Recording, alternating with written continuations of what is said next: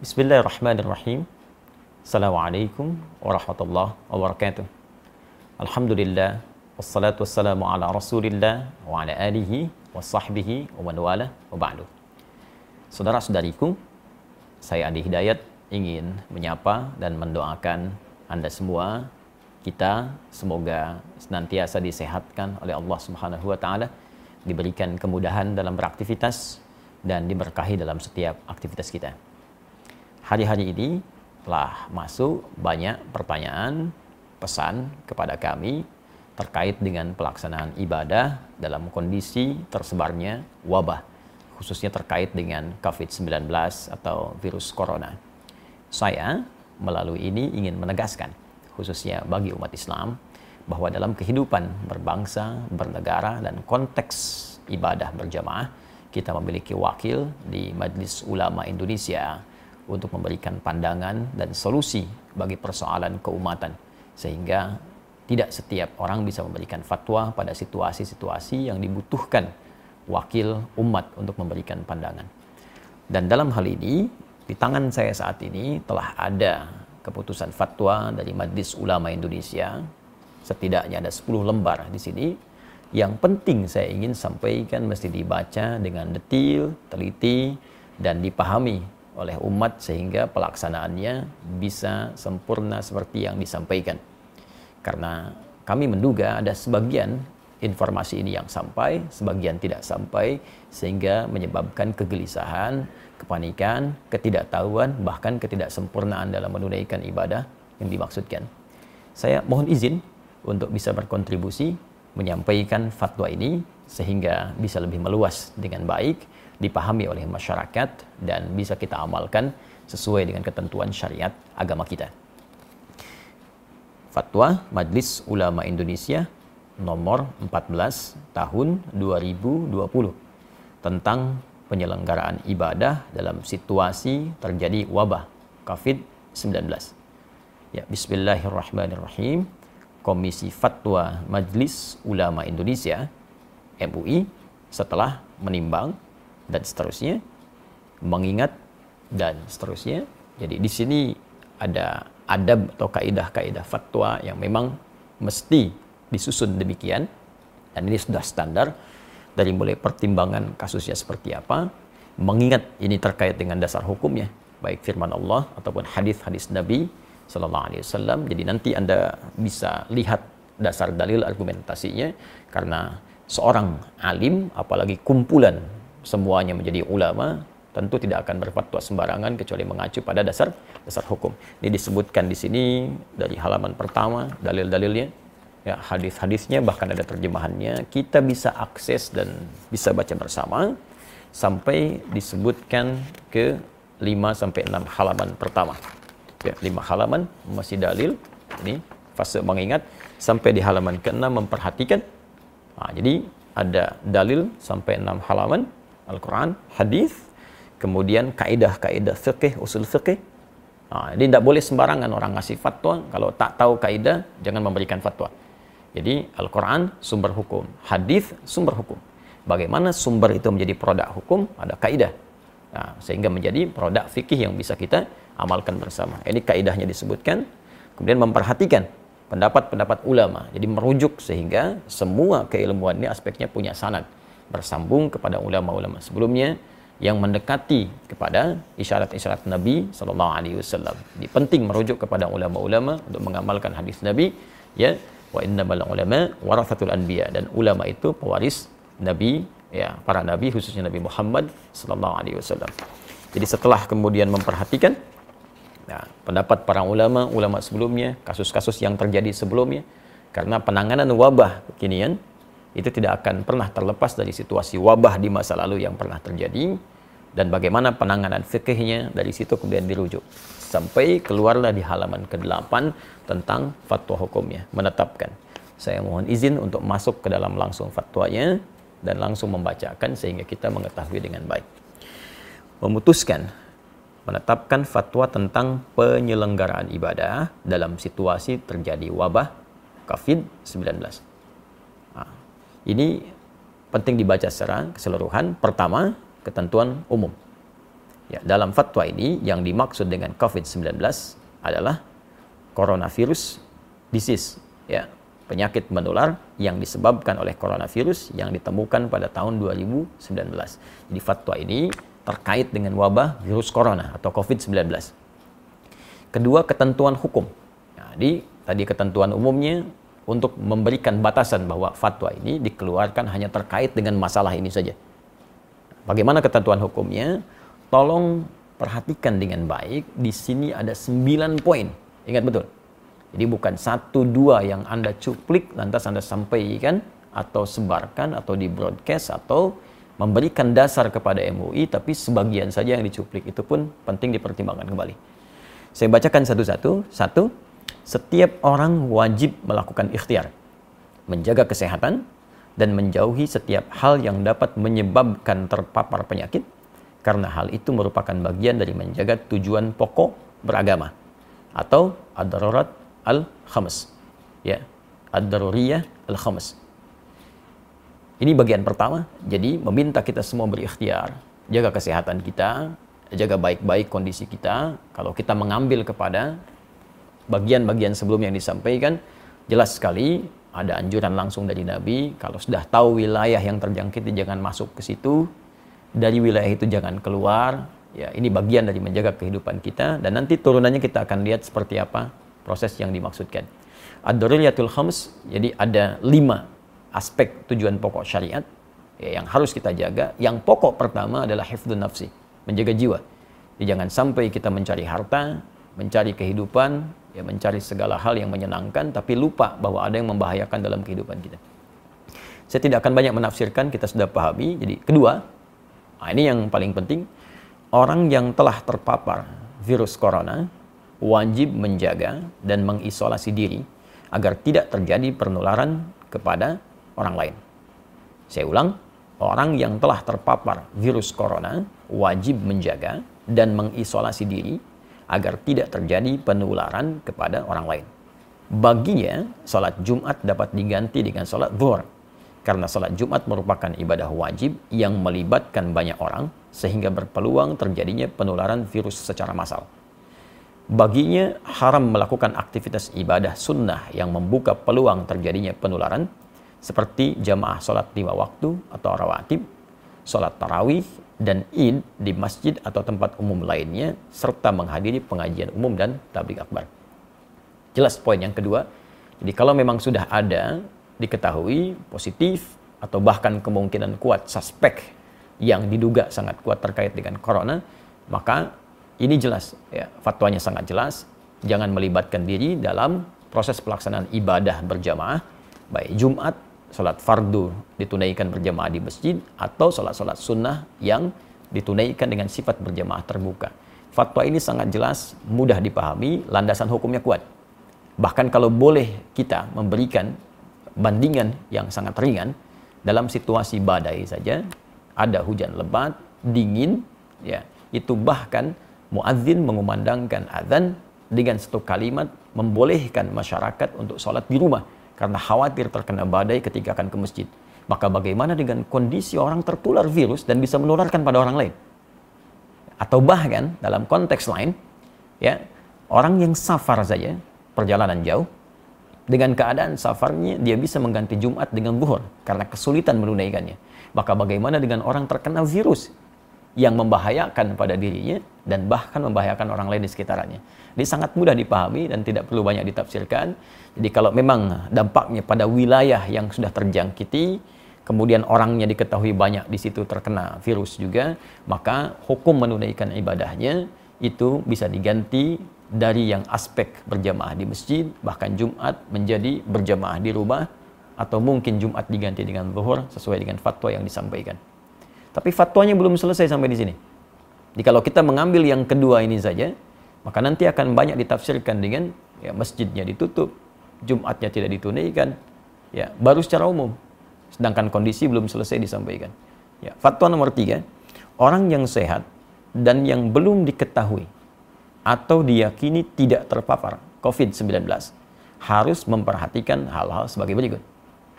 A dalam hal ia berada di suatu kawasan yang potensi penularannya tinggi atau sangat tinggi berdasarkan ketetapan pihak yang berwenang, maka ia boleh meninggalkan sholat Jumat dan menggantikannya dengan sholat zuhur di tempat kediaman serta meninggalkan jamaah sholat lima waktu atau rawatib, tarawih, dan id di masjid atau tempat umum lainnya. Jadi kalau poin dua tadi khusus bagi yang terkena, maka yang poin ketiga A itu menunjuk kepada kita yang tidak terkena, tapi kita tinggal di wilayah yang diduga banyak terjangkit dan menyebar virus corona. Sehingga menjadikan kita khawatir kalau keluar itu bisa terdampak, terkena, dan bahkan berpotensi menularkan pada yang lain. Dan ini pun sangat dipahami. Jadi kalau Anda tinggal di wilayah-wilayah tertentu yang memang informasi dari pemerintah setempat menyampaikan ini sudah darurat, sudah bahaya, diketahui kemudian tersebar, maka hukum fatwa ini berlaku. Ya, dan jangan dipaksakan. Sholat di rumah, ya itu biasa saja. Jadi kalau kita tidak sholat di masjid, itu biasa. Ya, dalam kondisi seperti poin nomor 3A ini. Yang tidak boleh itu tidak sholat. Itu poin pentingnya. Jadi kalau memang di tempat kita ditemukan situasi, diketahui banyak terjangkit, jangan paksakan situasi datang ke masjid. Ya, bahkan boleh Jumatnya gugur dan diganti dengan zuhur. Dan pahalanya sama dengan ketika kita menunaikan di masjid. Ya, saya sampaikan hadis Nabi wasallam, riwayat sahabat Abu Hurairah radhiyallahu taala anhu, Nabi pernah menyampaikan idza maridul abdu au safar kutiba lahu mithla ma kana alaihi muqiman sahihan. Kalau ada seorang yang sakit atau bahkan sedang perjalanan jauh, dia tidak bisa menunaikan ibadah rutin seperti biasanya, maka apa yang dia tunaikan pada saat itu dihukumi sama pahalanya dengan kebiasaan dia semula. Saat sehatnya, saat normalnya. Anda saat safar, kemudian menunaikan yang sempurna jadi kosor. Duhur empat jadi dua. Sunnah tidak dikerjakan. Padahal sebelumnya biasa Anda tunaikan. Maka kalaupun Anda kerjakan kosor, sunnah tidak dilakukan, tetap pahala dituliskan sempurna seperti kebiasaan Anda. Anda yang rajin ke masjid, kita yang biasa Jumatan, karena kondisi ini tidak memungkinkan ke masjid, dan tidak kita tunaikan berjamaah di masjid, kita tunaikan di rumah untuk menjaga diri pada aspek yang sangat penting, maka pahalanya pun sama dengan Anda mendatangi tempat ibadah itu. Tapi kalau Anda memaksakan diri sampai tertular atau menularkan pada orang lain, maka bukan hanya berpeluang keliru, tapi berpeluang juga dosa di dalamnya. Fatwanya belum selesai. Pada poin B, dalam hal ia berada di suatu kawasan yang potensi penularannya rendah. Tolong disimak baik-baik.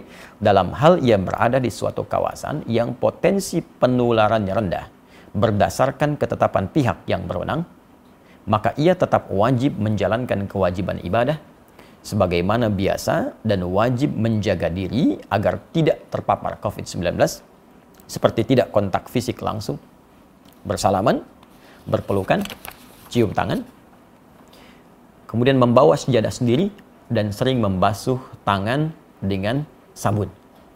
Nah ini ini penting dibacakan bagian kedua ini supaya kita mengetahui ya, bahwa fatwanya belum selesai. Jadi kalau di wilayah kita berdasar keterangan dari aparatur setempat, ya pemerintahan setempat menyampaikan di wilayah ini baik, di wilayah ini diduga kuat belum tersebar, atau kecil kemungkinannya, maka kita berjamaah seperti biasa. Dia tidak harus menutup tempat ibadah. Jumat berlangsung, ya ibadah lima waktu berlangsung, dan kehati-hatian tadi kita lakukan. Ya kita hindari kontak fisik secara langsung, bersalaman, atau kemudian tadi membawa sejadah sendiri, menggunakan hand sanitizer. Ya, nah, itu kita lakukan. Tapi jangan latah kemudian masjid ditutup, Jumat tidak ada, sehingga seakan-akan sunyi dari ibadah.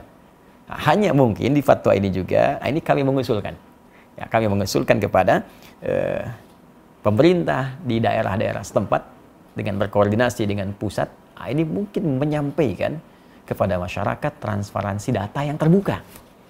Sehingga tidak terjadi kepanikan di masyarakat dan mengetahui tempat ini, ah, ini ada suspek, tempat ini aman, sehingga dengan itu masyarakat mudah untuk bisa menentukan sikap sehingga tidak hadir kepanikan. Nah, saya tidak tahu nih tempat saya aman atau tidak.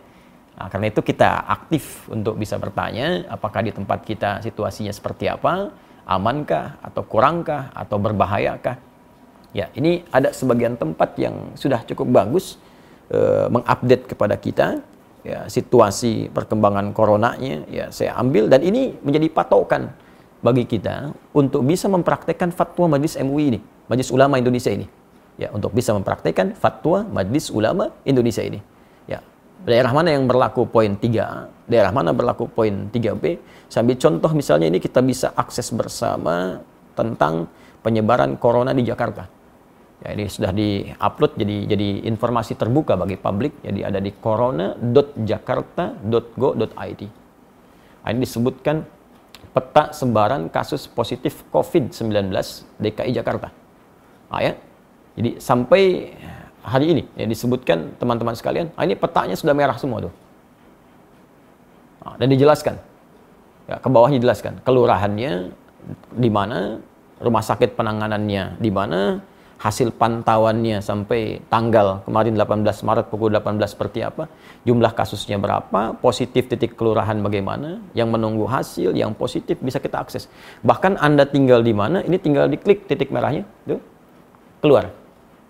Kelurahan mana, terjangkit atau tidak, tapi ini kondisinya kita bisa tetapkan melalui uh, fatwa Majelis Ulama Indonesia masuk kondisi yang mana. Kalau sudah merah seperti ini semua saya kira bisa diusulkan majelis ulama setempat di wilayah Jakarta duduk dengan pemerintahan eh, Provinsi DKI Jakarta lantas memberikan himbauan pada masyarakat sesuai situasi kondisi ini.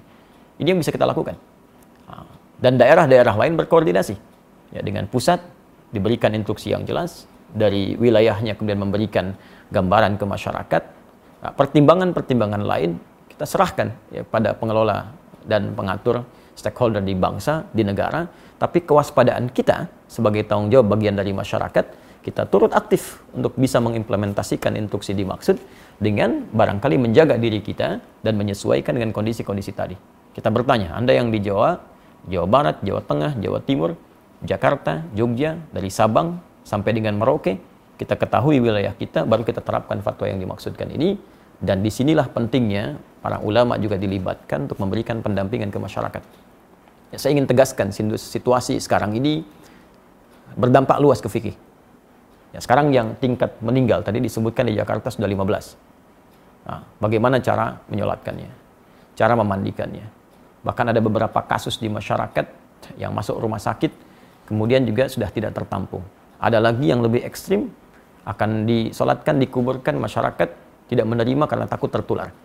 Nah, ini saya kira kita para ulama, para ustadz juga e, mesti terpanggil untuk membantu bersinergi dan memberikan pendampingan ke masyarakat dan berkoordinasi dengan wilayah pemerintahan dengan baik sehingga kita terjadi kesatuan, perpaduan dan sinergi yang baik satu dengan yang lainnya. E, kemudian saya bacakan e, fatwanya ya. Dalam kondisi empat, empat dalam kondisi penyebaran COVID-19 tidak terkendali di satu kawasan yang mengancam jiwa umat Islam tidak boleh menyelenggarakan sholat Jumat. Saya bacakan, umat Islam tidak boleh menyelenggarakan sholat Jumat di kawasan tersebut sampai keadaan jadi normal kembali dan wajib menggantikannya dengan sholat zuhur di tempat masing-masing. Demikian juga tidak boleh menyelenggarakan aktivitas ibadah yang melibatkan orang banyak dan diyakini dapat menjadi media penyebaran COVID-19 seperti jamaah sholat lima waktu atau rawatib, sholat tarawih dan id di masjid atau tempat umum lainnya, serta menghadiri pengajian umum dan majlis taklim. Ini nomor empat ini dalam kondisi penyebaran COVID-19 tidak terkendali. Artinya memang sudah mewabah luas, tidak bisa ditangani sama sekali, maka fatwa ini berlaku. Dan ini sudah tidak perlu kita berfatwa lagi. Jadi kalau orang-orang tak paham, sudah diam saja. Ikuti instruksinya, karena ini sudah orang yang pakar yang berbicara. Ya kadang-kadang kita ini suka aneh Masalah ekonomi kita ikut ekonom. Masalah hukum kita ikut ahli hukum. Ya, masalah untuk bisnis kita ikut pebisnis. Tapi kalau urusan agama semua bisa berfatwa. Nah, maka saya tegas ingin menyampaikan kalau tidak punya ilmu, tak paham, sudah ikuti instruksi yang ada, jangan bikin fatwa masing-masing. Nah, jangan sampai Anda bisa mengatakan misalnya, mohon maaf, ini kan bagian dari ibadah. Ibadah itu wajib kalau wafat sedang dalam keadaan sholat. Wafat itu tidak ada kaitan dengan virus atau yang lain. Kalau sudah tiba ajal ya wafat. Tapi ketentuan syariat mesti kita ikuti. Nabi saja meminta kita untuk menjaga diri. Anda bukan Nabi, bukan Rasul, menganjurkan sesuatu yang bertentangan. Maka itu sangat hal yang tidak diharapkan. Mohon izin saya meneruskan. Lima, dalam kondisi penyebaran COVID-19 terkendali. Ah, ini. Tolong catat juga ini dalam kondisi penyebaran COVID-19 terkendali, umat Islam wajib wajib menyelenggarakan sholat Jumat dan boleh menyelenggarakan aktivitas ibadah yang melibatkan orang banyak seperti jamaah salat lima waktu atau rawatib, salat tarawih dan id di masjid atau tempat umum lainnya serta menghadiri pengajian umum dan majlis taklim dengan tetap menjaga diri agar tidak terpapar COVID-19. Nah, jadi kalau di wilayah-wilayah yang diketahui, ya sekali lagi transparansi data, informasi yang dibuka ke publik, setidaknya menyampaikan ini wilayah ini terpapar, wilayah ini tidak, sehingga kita bisa petakan. Oh ini yang tidak yang aman, maka berlaku fatwa yang ini. Ini yang terkendali tetap jumatan, masjid dibuka. Jadi jangan sampai syiar-syiar ibadah itu hilang, tertutup. Nah, jangan dipukul rata fatwa ini bagi semua kondisi yang sekiranya terjadi perbedaan keadaan di dalamnya. 6. Pemerintah menjadikan fatwa ini sebagai pedoman dalam menetapkan kebijakan penanggulangan COVID-19 terkait dengan masalah keagamaan dan umat Islam wajib menaatinya. Nah, ini sudah tidak perlu saya tafsirkan. Tentunya fatwa ini sudah sampai ke pemerintah kita. Negara kemudian bisa mengambil tindakan dan kita mengikuti sesuai dengan arahan fatwa MUI yang dimaksudkan. 7. Pengurusan jenazah. Ya, tajhiz al-janaiz yang terpapar COVID-19, terutama dalam memandikan dan mengafani, harus dilakukan sesuai protokol medis dan dilakukan oleh pihak yang berwenang dengan tetap memperhatikan ketentuan syariat, sedangkan untuk mensalatkan dan menguburkannya dilakukan sebagaimana biasa dengan tetap menjaga agar tidak terpapar COVID-19. Saya kira ini sangat jelas ya dan ini perlu berkonsultasi juga ada ulamanya, ada bagian medisnya, dan dijelaskan bagaimana saat menyolatkan tidak tertular, saat memandikan tidak tertular, sehingga dengan itu tidak terjadi kepanikan. Dan saat seorang pun dengan izin Allah sesuai ajal meninggal misalnya, karena terpapar virus ini, dan kita doakan semoga Allah menerima segala amal baik, menjadikan rahmat, ya, menjadikan syahid sesuai janji Nabi Sallallahu Alaihi Wasallam. Nah, tapi yang paling penting adalah dengan jelas semua itu tidak ada kepanikan dan kita mengerti apa yang harus kita lakukan. Ya.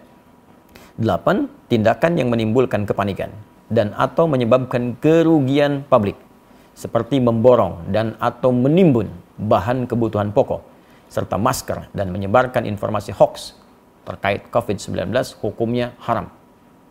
Pas hukumnya haram termasuk Anda pun yang menyebarkan informasi fatwa yang sembarangan ya yang bahkan uh, tidak terkait dengan kondisi yang dihadapi, nah, itu bisa salah juga. Ya seharusnya bisa ke masjid tidak bisa ke masjid. Atau seharusnya tidak harus ke masjid malah ke masjid. Nah, maka dilihat dengan baik-baik.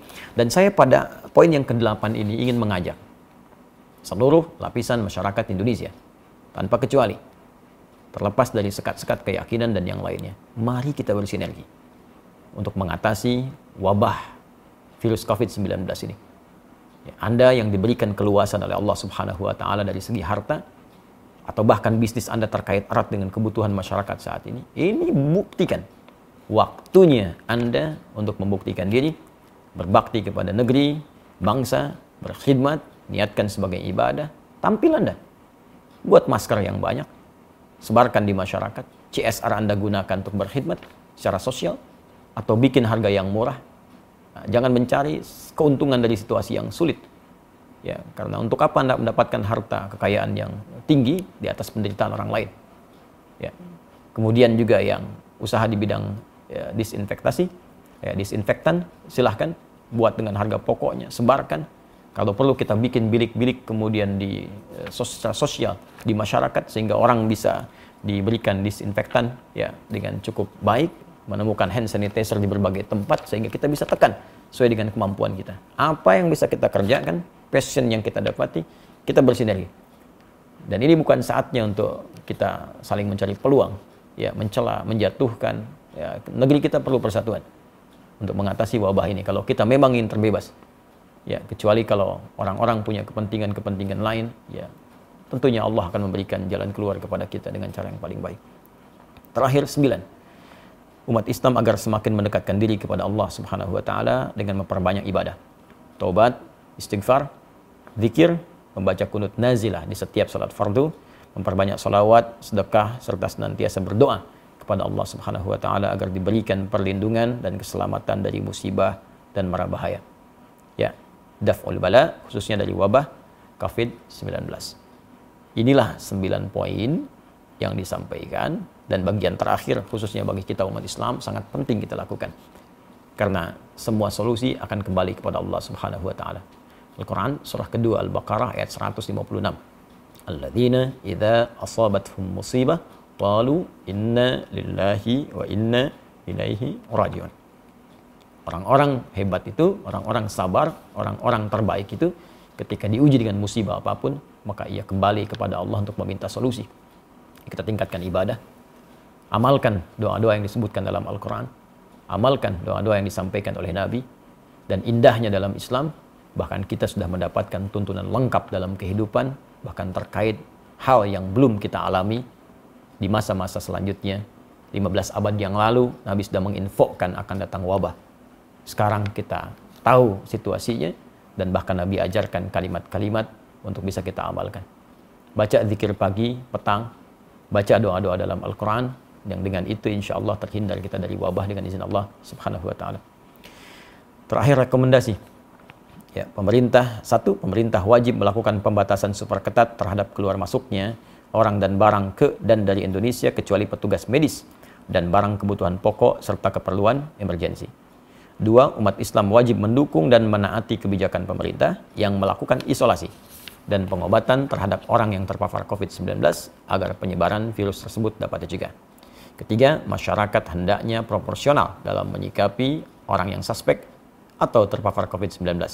Oleh karena itu, masyarakat diharapkan bisa menerima kembali orang yang dinyatakan negatif dan atau dinyatakan sudah sembuh ke tengah masyarakat serta tidak memperlakukannya secara buruk.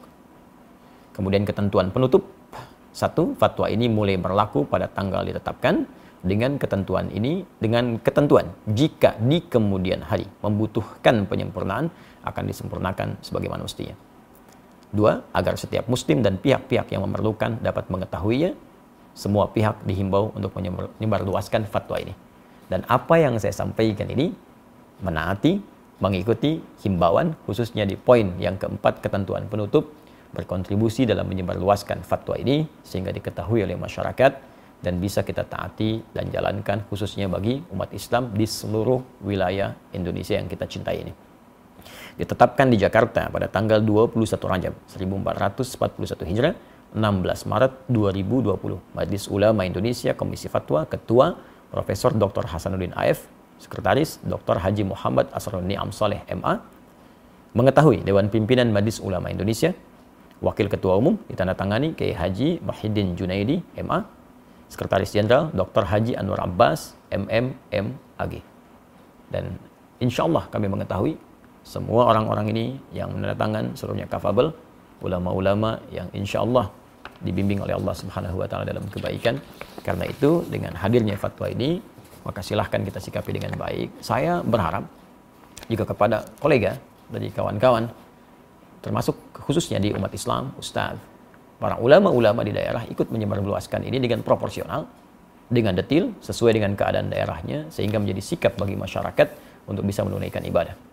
Dan saya juga menghimbau kepada pemuka-pemuka di agama lain, saudara-saudariku sebangsa dan setanah air, ya agar sama-sama kita bersinergi eh, menyampaikan kepada umatnya, menyampaikan kepada masyarakat juga dalam bawah binaan dan bimbingannya agar senantiasa bisa menjaga diri kesehatan sesuai dengan instruksi yang kita dapati dan bisa menyatukan kita dalam suasana kebangsaan yang utuh, baik dan semoga Allah membebaskan kita dari wabah COVID-19 ini dan memberikan hikmah-hikmah terbaik kepada kita.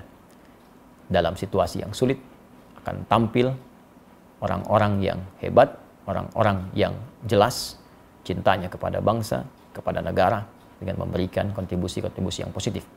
Tapi di saat ini pun akan tampak orang-orang yang memang tak peduli, orang-orang yang hanya menumpang kehidupan yang mungkin tidak kita saksikan dalam kehidupan-kehidupan kita.